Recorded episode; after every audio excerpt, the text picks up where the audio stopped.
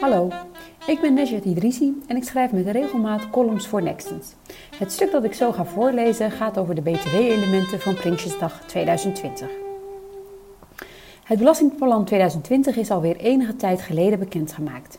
Inmiddels hebben we de voorgestelde wijzigingen goed kunnen bestuderen en een mening kunnen vormen. De volgende fase is om aan de slag te gaan met de voorstellen, want voordat u het weet is het 2020.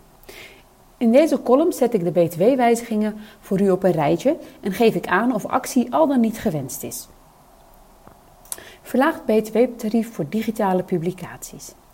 Deze maatregels zagen we al aankomen. Nederland heeft zich ingezet om het mogelijk te maken om digitale publicaties gelijk te stellen aan fysieke publicaties. Het is dan ook niet verrassend dat Nederland deze regeling invoert nu dit op grond van het Unierecht mogelijk is. Om te bepalen of sprake is van een elektronische uitgave waarvoor het verlaagde tarief gaat gelden, moet worden getoetst of de uitgave vergelijkbaar is met de fysieke uitgave waarvoor nu al het verlaagde tarief van toepassing is. Deze vergelijkbaarheid moet worden beoordeeld naar de inhoud en het gebruik van de elektronische uitgave.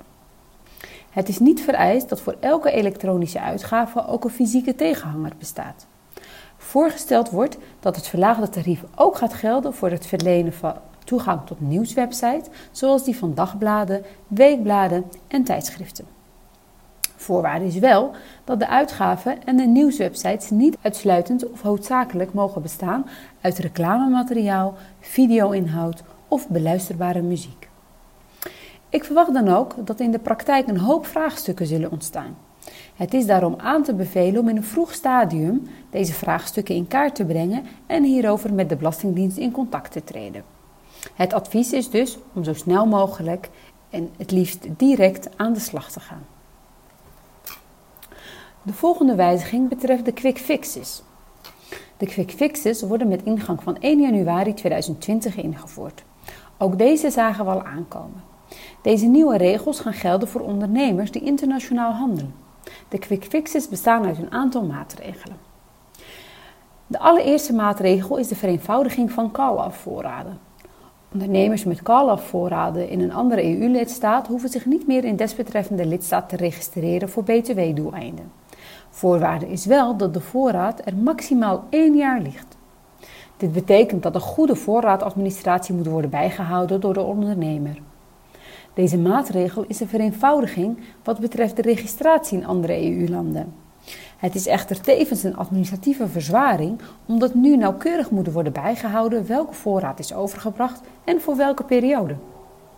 Kortom, wat mij betreft is hier sprake van een vereenvoudiging, maar gelijktijdig tevens sprake van een verzwaring van de administratieve lasten voor de ondernemer. Ondernemers moeten tijdig aan de slag met het voorbereiden van de administratie om te kunnen bijhouden welke voorraad waar ligt en hoe lang dit daar ligt. De volgende wijziging betreft ketentransacties.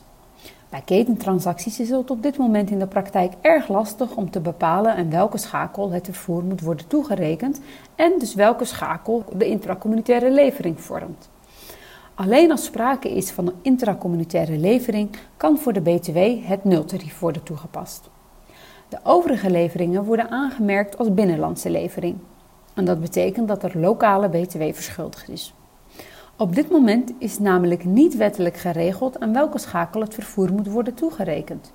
Vanaf 1 januari 2020 wordt dit dus wettelijk geregeld. De volgende wijziging betreft het beschikken over een geldig BTW-nummer van de afnemer bij toepassen van het nultarief voor intracommunitaire transacties. Met ingang van 1 januari 2020 wordt het beschikken over een geldig BTW-nummer van de afnemer verplicht om het nultarief voor intracommunitaire leveringen te kunnen toepassen. Ik adviseer ondernemers die hiermee te maken hebben om tijdig teams intern hierover te informeren en het systeem zo in te gaan richten dat er geen leveringen kunnen worden gedaan uh, waarop het nultarief wordt toegepast als er geen geldig BTW-nummer in het systeem staat. Er moet dus een BTW-nummer in het systeem komen te staan, maar er moet ook worden geverifieerd of dit nummer geldig is. Tot slot wordt er een bewijsvermoeden geïntroduceerd voor bewijsvoering van het vervoer bij intracommunitaire transacties. Op het moment dat er twee niet tegenstrijdige bewijsstukken zijn waaruit het vervoer naar een andere EU-lidstaat blijkt, wordt de goederen in ieder geval geacht dat deze zijn verzonden of vervoerd. Ik heb lang mogen nadenken over wanneer hier sprake van is, maar ik vind het erg lastig. Deze maatregel zou in de praktijk tot problemen kunnen leiden. Gelukkig is ook aangegeven dat het vervoer ook op andere wijze kan worden aangetoond. Oftewel, de huidige werkwijze is nog steeds goed. Ik verwacht echter dat de inspecteur sterk zal gaan zitten op het hebben van twee niet tegenstrijdige bewijsstukken.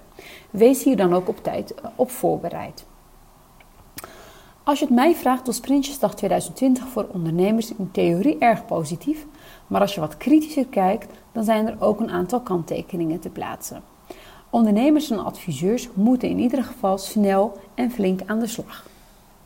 Dat was het. Bedankt voor het luisteren. Wil je nog meer columns lezen zoals deze? Lees dan verder op nextions.nl. Volgende week is hier weer een fiscale podcast te vinden. Graag tot dan.